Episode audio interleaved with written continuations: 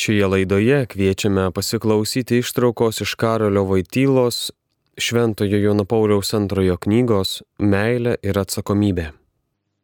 Meilė kaip vartojimo priešybė.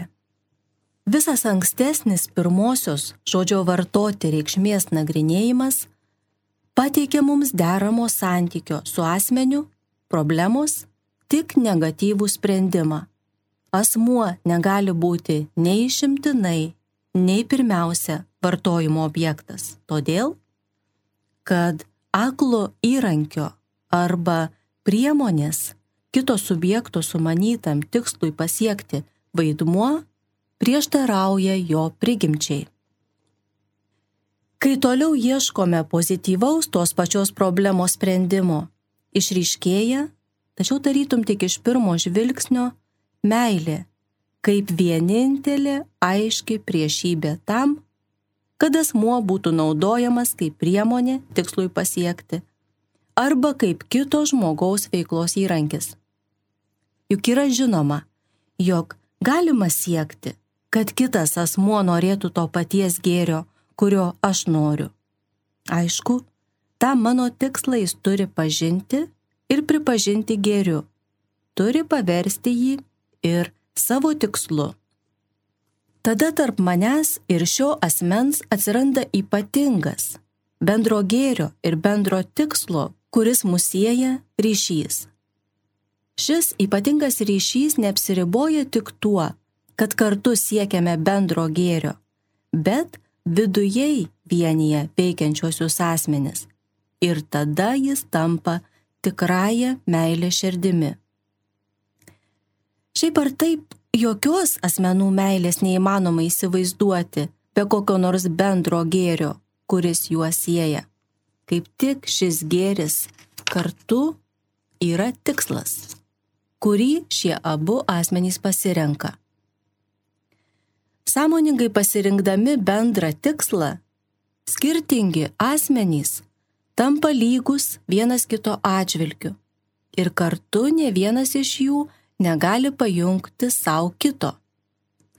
O abu, nors bendro tikslo susijęto asmenų gali būti daugiau negu du, yra tartum lygiai ir vienodai priklausomi nuo to gėrio, kuris yra bendras tikslas. Kai žiūrime į žmogų, išvelgėme elementarų jo gėrio poreikį, natūralų polinkį į gėrį ir jo siekimą. Tai dar neliudija sugebėjimo mylėti. Stebėdami gyvūnus matome analogiškų instinkto apraiškų. Tačiau pats instinktas dar nėra gebėjimas mylėti. Tuo tarpu žmonėms būdingas toks gebėjimas susijęs su laisva valia. Gebėjimas mylėti yra tai, kad žmogus pasirengia sąmoningai ieškoti gėrio kartu su kitais ir paklusti tam gėriui atsižvelgdamas į kitus arba paklusti kitiems, atsižvelgdamas į tą gėrį. Meilė yra išimtinė asmenų dalė. Tačiau meilė žmonių tarpusavio santykiuose nėra kažkas gatava. Pirmiausia, ji yra principas arba idėja, pagal kurią žmonės turi derinti savo elgesį. Jei nori, o norėti privalo, išsilaisvinti iš vartojimo, arba konsumcinės nuostatos kitų asmenų atžvilgių. Valandėlį grįžkime prie anksčiau pateiktų pavyzdžių. Santykio darbdavys darbininkas atveju yra rimtas pavojus vertinti antrąjį tik kaip priemonę. Tai įrodo įvairūs įdingi darbo organizavimo būdai. Tačiau jei darbdavys ir darbininkas visą savo bendravimą sutvarko taip, kad jame aiškiai matomas bendras gėris, kuriam abu tarnauja, tai pavojus vertinti asmenį prašiau, negu kad jam priderėtų, sumažėja ir lyg visai išnyksta. Juk meilė iš abiejų suinteresuotų pusių elgesio pamažu išstums grinai vartojimo nuostatą darbininko asmens atžvilgiu. Šiame pavyzdyje daug kas supaprastinta, palikta tik klausimo esmė. Panašiai bus ir kito pavyzdžio, kuriame kalbama apie vado ir kario santyki atveju. Kai juos abu jungia tikra, principinė meilės nuostata, žinoma, čia nekalbama apie patį meilės jausmą, susidariusi abiems ieškant to bendro gėrio, o jis šiuo atveju yra tėvynės gynimas arba saugumas, tai tiesiog dėl to, kad abu trokšta to paties, negalima kalbėti tik apie naudojimąsi kario asmeniu kaip aklų tikslo įrankiu arba priemonę. Visą šį nagrinėjimą reikia savo ruoštų pritaikyti santykiui moteris vyras, kuris yra seksualinės etikos pagrindas. Taip pat ir šiuo atveju, ir žinoma, ypač šiuo atveju. Tik meilė neleidžia vienam asmeniui vartoti kitą asmenį. Kaip sakyta, meilė sąlygoja bendrą žmonių santykių su tuo gėriu, kurį jie pasirenka kaip tikslą ir kuriam paklūsta. Santuoka yra viena svarbiausių šio principo įgyvendinimo sričių. Juk santokoje jungiasi du asmenys - moteris ir vyras - tuo būdu, kad iš dalies tampa vienu kūnu, sakant pradžios knygos žodžiais arba tartum vienu bendru seksualinio gyvenimo subjektu. Kaip asmeniui garantuoti, kad jis tuo met netaptų kitam, moteris vyrui, vyras moteriai, priemonė? Kitaip sakant, objektu, vartojamu pasiekti vien savo tikslui. Kad to būtų išvengta, abu privalo turėti bendrą tikslą. Tas tikslas kai kalbama apie santoką, yra prokreacija, palikuonys, šeima, o kartu visas nuolat didėjantis visose srityse abiejų asmenų bendro gyvenimo brandumas, kurį daro įmanoma santokinis bendrumas. Visas šis objektyvus santuokos tikslingumas iš esmės sukuria meilės galimybę ir pašalina galimybę asmenį vertinti kaip priemonę ir kaip vartojimo objektą. Tačiau, kad pirmoji galimybė galėtų būti realizuota pagal objektyvų santokos tikslingumą, reikia detaliau apmastyti patį pagrindą, pašalinantį galimybę asmeniui vertinti kitą asmenį kaip vartojimo objektą visame seksualinėme kontekste. Vien objektyvaus santokos tikslingumo nustatymas šios problemos dar neįsprendžia iki galo. Juk atrodo, kad seksualinės rytis teikia ypač daug galimybių vertinti asmenį, net nesąmoningai, kaip vartojimo objektą. Be to, reikia atsižvelgti į faktą, kad visa seksualinės moralės problematika platesnė negu tik santokinės moralės problematika. Ir apima daug dalykų iš vyrų ir moterų bendravimo ar net tiesiog egzistavimo greta vienas kitos ryties. Tad bendraudami arba būdami greta, visi turi nuolat visiškai sąžiningai ir atsakingai rūpintis tuo pagrindiniu kiekvieno ir visų kartu geriu, kuris yra tiesiog žmoniškumas arba, kitaip tariant, žmogaus asmens vertė. Jei tą pagrindinį santyki moteris, vyras aiškinsimės kiek galint plačiau, ne tik santokos prasme, tai meilė, apie kurią šiuo atveju kalbama, tapatinama su tam tikru išskirtiniu pasirengimu paklusti tam gėriui, kuris, nepaisant lyčių skirtingumo, yra žmoniškumas, o dar tiksliau - asmens vertė. Tačiau labiausiai šis paklusimas įpareigoja kaip tik santokoje, o objektyvūs šios institucijos tikslai gali būti įgyvendinti tik remiantis tuo bendriausiu principu, kuris reiškia asmens vertės pripažinimą visame įvairialypiame seksualinėme kontekste. Tas kontekstas sukuria visai specifinę moralės problematiką, o mokslė specifinę etikos problematiką, kai kalbama ar apie santoką, ar apie daugelį kitų skirtingos lyties asmenų bendravimo arba tiesiog egzistavimo greta formų. Antroji žodžio vartoti reikšmė. Norint apriepti šią problematikos visumą, reikia išnagrinėti dar kitą reikšmę, kurią gana dažnai įgauna žodis vartoti.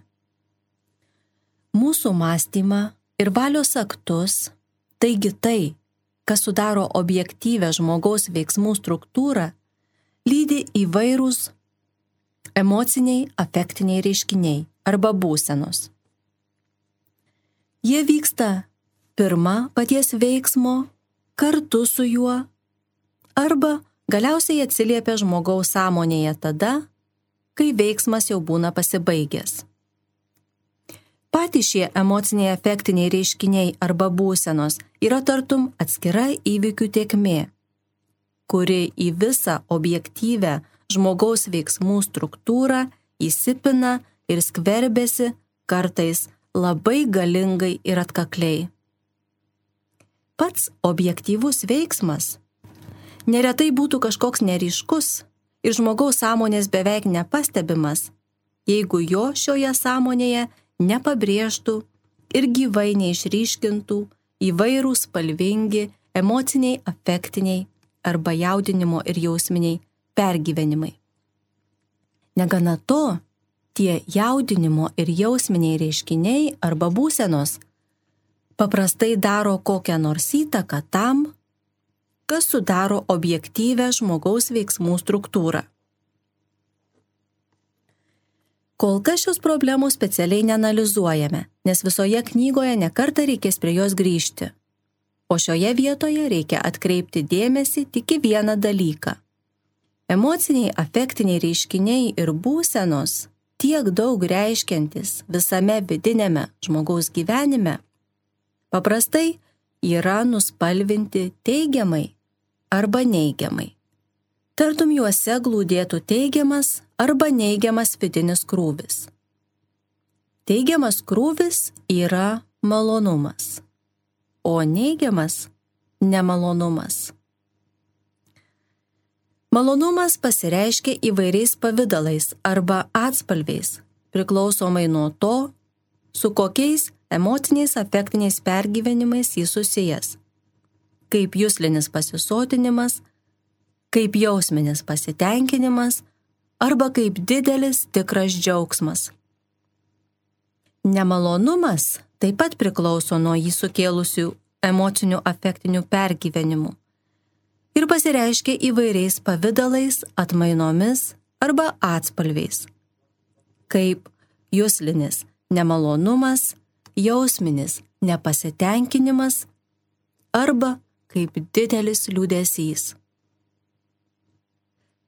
Čia dera atkreipti dėmesį į ypatingą tų emocinių afektinių reiškinių ir būsenų turtingumą, įvairumą bei intensyvumą, pasireiškiantį tada, kai veiksmų objektas yra kitos lyties asmuo.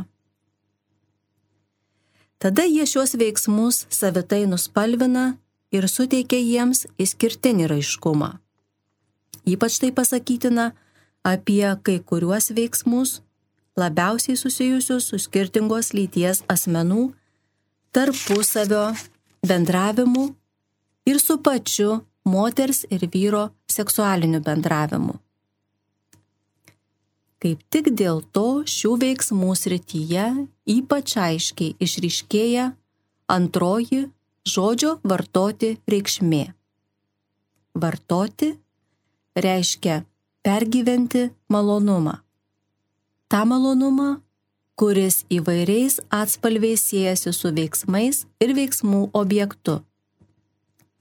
Žinoma, kad abipusiškai Taip pat ir seksualiai bendraujant moteriai ir vyrui, šis veiksmų objektas visada yra asmuo. Jis taip pat yra įvairiai nuspalvinto malonumo arba net mėgavimosi tikrasis šaltinis. Lengva suprasti faktą, kad asmuo yra asmeniui ypatingo emocinio afektinio krūvio patyrimų šaltinis. Juk žmogus turi būti žmogui lygiavertis objektas, veiksmų partneris. Tas veiksmų subjekto ir objekto lygiavertiškumas yra išskirtinis emocinių afektinių jūtimų ir su jais susijusių teigiamų arba neigiamų krūvių, malonumo arba nemalonumo pamatas. Taip pat nedėra manyti, kad čia kalbama apie kokį nors grinai ir išimtinai jūslinį malonumą. Tokia prielaida prilygtų kontakto, kuris kiekvienu atveju išsaugo savo tarpasmeninį žmogišką pobūdį tikrojo reikšmingumo sumenkinimui. Net grinai kūniška meilė dėl joje dalyvaujančių partnerių prigimties taip pat yra šios rūšies faktas. Dėl tos pačios priežasties negalima iš tikrųjų lyginti gyvūnų ir žmonių seksualinio gyvenimo. Nors aišku, kad gyvūnų pasaulyje jis irgi egzistuoja ir yra dauginimuose, taigi rūšies palaikymo ir pratesimo pagrindas. Tačiau gyvūnų seksualinis gyvenimas yra prigimties ir su jie susijusio instinkto lygio, o žmonių asmens ir moralumo lygio. Seksualinė moralė atsiranda ne tik iš to, kad asmenys suvokia seksualinio gyvenimo tikslingumą, bet ir iš to, kad suvokia savo asmeniškumą su asmeniškumo suvokimu susijusi ištisa moralinė vartojimo kaip mylėjimo priešybės problema. Šios problemos apmatai buvo pateikti anksčiau, aiškinant pirmąją žodžio vartoti reikšmę. Antroji šio žodžio reikšmė - moraliai lygiai svarbi. Juk žmogus kaip tik dėl to, kad turi protą, gali veikdamas ne tik aiškiai skirti malonumą nuo nemalonumo, bet be to gali jį tartum išskirti ir vertinti kaip atskirą veiksmų tikslą. Tada jo veiksmai formuojasi paties malonumo, kurį žmogus trokšta patirti atžvilgiu, arba tik nemalonumo, kurio trokšta išvengti atžvilgiu. Jei veiksmai susiję su kitos lyties asmeniu formuojasi išimtinai arba nors pirmiausia šiuo atžvilgiu, tada tas asmuo ypatingų būdų tampa tik priemonė. Matome, kad antroji žodžio vartoti reikšmė yra atskiras pirmosios reikšmės atvejs. Tačiau šis atvejs labai dažnas ir žmogaus kaip asmens elgesyje lengvai gali pasitaikyti. Bet tai nebūdinga gyvūnų seksualiniam gyvenimui, kuris reiškiasi išimtinai prigimties ir instinkto lygiu ir todėl turi tik tą tikslą, kuriam reikalingas seksualinis potraukis. Tai yra prokreacija, rūšies palaikymą. Šio lygio seksualinis malonumas, žinoma, grinai gyvuliškas, negali būti atskiras tikslas. Kitaip yra su žmogumi. Čia aiškiai matoma, kaip asmeniškumas ir protingumas kuria moralumą. Šis moralumas šiuo atveju yra subjektyviai ir objektyviai personalistinis. Objektyviai, nes kalbama apie deramą požiūrį į asmenį seksualinio malonumo ar net mėgavimosi kontekste. Asmuo skirtingos lyties negali būti kitam asmeniui tik priemonė tikslui, kuris yra tas seksualinis malonumas ar net mėgavimasis.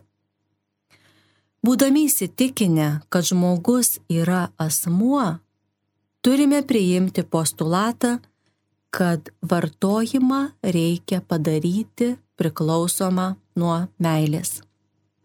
Vartojimas ir pirmąją, plačiaja bei objektyvę reikšmę, ir antrąją, siauresnė bei veikiau subjektyvę reikšmę, jog malonumo pergyvenimas dėl savo prigimties yra kažkas subjektyvu, tik meilė gali būti viduje sutvarkytas ir pakeltas į asmenų lygį.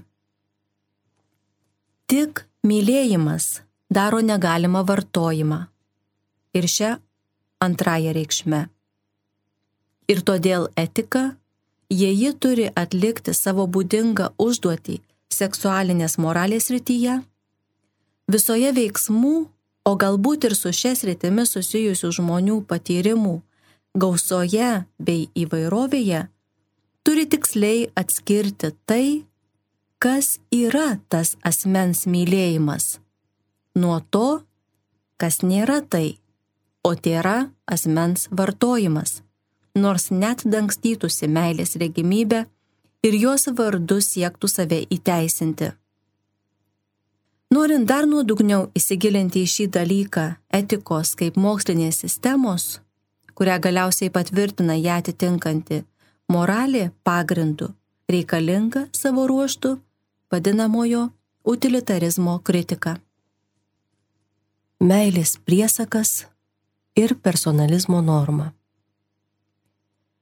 Evangelijoje suformuluotas priesakas iš žmogaus reikalauja mylėti kitus žmonės, artimuosius, o absoliučia savo prasme reikalauja mylėti asmenis. Juk Dievas, kurio meilės priesakas minimas pirmiausia, yra pati tobuliausia asmeninė būtis. Visas sukurtų asmenų pasaulio ypatingumas ir natūralus vyravimas daiktų, nesmenų pasaulio atžvilgių kyla iš išskirtinio panašumo į Dievą. Evangelijoje suformuluotas priesakas, reikalaujantis mylėti asmenis, netiesiogiai yra priešingas utilitarizmo principui. Nes, kaip rodo ankstesnė analizė, šis principas netinka garantuoti žmogaus meilė žmogui, asmens asmeniui. Evangelijos priesako ir utilitarizmo principo prieš priešą yra netiesioginė, nes meilės priesakas neformuluoja paties principo, kuriuo remiantis šią meilę galima įkūnyti asmenų santykiuose. Vis dėlto Kristaus priesakas yra tartum kito lygio negu utilitarizmo principas. Tai kito laipsnio norma. Jis tiesiogiai neliečia to paties dalyko. Priesakas kalba apie meilę asmenims, o utilitarizmo principas nurodo malonumą ne tik kaip žmonių veiklos, bet ir jų veiksmų norminimo pagrindą. Tačiau kritikuodami utilitarizmą konstatavome, kad remdamiesi šios krypties priimtų norminimo pagrindu niekad negalėsime pasiekti meilės. Juk pakeliui į ją visada susidursime su vartojimo principu arba asmens kaip tikslo priemonės vertinimu. Tikslui, kuris yra malonumas, malonumo maksimalizacija. Vadinasi, utilitarizmo principo ir meilės priesako prieš priešą išplaukia iš to, kad remianti šiuo principu meilės priesakas tiesiog netenka prasmės. Žinoma, su utilitarizmo principu susijusi tam tikra aksiologija. Pasak jos, malonumas yra vienintelė arba aukščiausia vertybė. Tačiau šito iš karto galime toliau nebenagrinėti. Pakankamai aišku, kad jei meilės priesakas ir meilė, kuri yra šio priesako objektas, turi turėti prasme, tai ją turime grįsti kitu negu utilitarizmo principu, kita vertybių sistema ir kita pagrindinė norma. Šiuo atveju tai bus personalizmo principas ir norma. Ši norma kaip negatyvaus turinio principas teigia, kad asmuo yra toks gėris, su kuriuo nesiderina vartojimas. Asmuo negali būti vertinamas kaip vartojimo objektas ir šia prasme kaip priemonė tikslui. Kartu yra ir pozityvus personalizmo normos turinys. Asmuo yra toks gėris, kad deramas ir pilnavertis santykis su juo yra tik meilė. Kaip tik šį pozityvųjį personalizmo normos turinį atskleidžia meilės priesakas. Turint tai omenyje, ar galima sakyti, kad meilės priesakas yra personalizmo norma? Tiksliai tariant, meilės priesakas tik remiasi personalizmo norma kaip pagrindu, apimančių negatyvų ir pozityvų turinį. Taigi, tiksliaja žodžio reikšme, jis nėra personalizmo norma, tik iš jos įsirutulioja kaip iš pagrindo, pagrindinės normos. Meilės priesako tikrojo pamato, nes utilitarizmo principas nėra šis pamatas. To meilės priesako pamato reikia ieškoti kitoje aksiologijoje, kitoje negu utilitarizmo vertybių sistemoje. Tai turi būti kaip tik personalizmo aksiologija, pagal kurią asmens vertė visada didesnė už malonumo vertę. Todėl asmuo ir negali būti jo pavergtas, negali būti tikslui, malonumui priemonė. Vadinasi, jei tiksliai tariant, meilės priesakas netapatinamas su personalizmo norma, bet tik ją numato, panašiai kaip ir personalizmo aksiologija, tai priešingai imant plačiau, galima sakyti, kad meilės priesakas yra personalizmo norma. Tiksliai tariant, priesakas sako, mylėk asmenis, o personalizmo norma kaip principas sako, asmuo yra tokia būtis, kad deramas ir pilnavertis santykis su juo yra meilė. Matome, kad personalizmo norma yra Evangelijos priesako pagrindimas. Tad kai imame priesaką kartu su šiuo pagrindimu, tada galime sakyti, kad jis yra personalizmo norma. Ši norma kaip priesakas apibrėžia ir paskiria tam tikrą sąsajo su Dievu ir žmonėmis būdą, tam tikrą laikyseną jų atžvilgių. Šis sąsajos būdas, ši laikysena atitinka tai, kas yra asmuo, atitinka vertę, kuriai atstovauja ir todėl yra vertingi.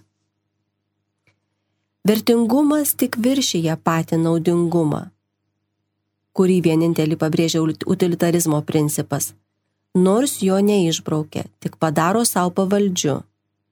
Visa, kas tinkamai naudinga asmeniui, glūdi pačiame meilės priesake. Apibrėždama ir paskirdama tam tikrą santykį su būtybėmis, asmenimis, tam tikrą nuostatą jų atžvilgių, personalizmo norma kaip meilės priesakas tvirtina ne tik šio santykio ir šios nuostatos vertingumą, bet ir teisingumą. Juk teisinga visada yra tai, kas kam nors pagristai priklauso. Asmeniui pagristai priklauso būti laikoma meilės objektu, nevartojimo priemonė. Tad tam tikra prasme galima sakyti, kad meilė yra teisingumo reikalavimas nes asmens kaip priemonės vartojimas būtų šiam teisingumui priešingas. Iš tikrųjų, teisingumo tvarka labiau pamatinė negu meilės tvarka ir iš dalies meilė netapima. Tiek, kiek meilė gali būti teisingumo reikalavimas. Juk nebejotina, kad mylėti žmogų arba Dievą, mylėti asmenį yra teisinga Tačiau kartu meilė, imant dėmesin pačią jos esmę, yra kažkas už teisingumo ir viršum jo. Tiesiog vienokia yra meilės esmė, o kitokia teisingumo. Teisingumas liečia daiktus - materialinius gėrius arba moralinius, pavyzdžiui, gerą vardą. Susijusius su asmenimis, tad asmenys liečia veikiau netiesiogiai. Meilė priešingai. Asmenys liečia tiesiogiai. Jos esmė - paties asmens vertės teigimas. Ir nors pagrįstai galime sakyti, kad tas, kuris myli asmenį, tuo yra teisingas jo atžvilgiu. Bet jau nebus tiesa teiginys, jog asmens meilė tai būti jo atžvilgiu tik teisingam. Toliau knygoje pasistengsime atskirai plačiau išanalizuoti, kas yra asmens meilė. O iki šiol pasiekėme vieną. Būtent konstatavome, kad asmens meilės esmė turi būti jo nedaiktiškos ir nekonsumcinės, nevartotojiškos vertės pripažinimas. Kas myli, tas tenksis tai pabrėžti visų elgesiu. Ir nėra abejonės, kad tuo ir pačiam asmeniui bus teisingas. Šis klausimo aspektas, šis meilės suartėjimas su teisingumu personalizmo normos pagrindu labai svarbus visam mūsų tyrimui, kurio objektas - seksualinė moralė. Kaip tik čia pagrindinis uždavinys yra sukurti teisingos asmens meilės savoką. Meilės visada pasirengusios kiekvienam žmogui atiduoti tai, kas jam tikrai priklauso dėl to, kad jis yra asmuo. Juk tai, kas seksualinėme kontekste būna apibrėžiama kaip meilė, labai paprastai asmeniui gali būti net neteisinga. O taip atsitinka ne todėl, kad formuojantis skirtingos lyties asmenų meiliai ypač svarbu jūslumas ir jausmai. Tai irgi atskirai nagrinėsime. Bet veikiau dėl to, kad iš dalies nesąmoningai, o iš dalies gal net sąmoningai, priimama seksualinio meilės dėmens interpretacija pagrįsta utilitarizmo principu. Tokia šios meilės interpretacija iš dalies savaime suprantama, nes remiasi joje glūdinčių jūslinių ir jausminių veiksnių natūralia trauka į malonumą. Nuo malonumo pergyvenimo lengva pereiti ne tik prie jo paieškų arba tiesiog jo paieškų dėl jo paties, bet ir prie jo pripažinimo vyraujančia verte ir tikruoju normos pagrindu. Ir čia yra pati esmė tų iškraipimų, kurie esti moters ir vyro meilėje.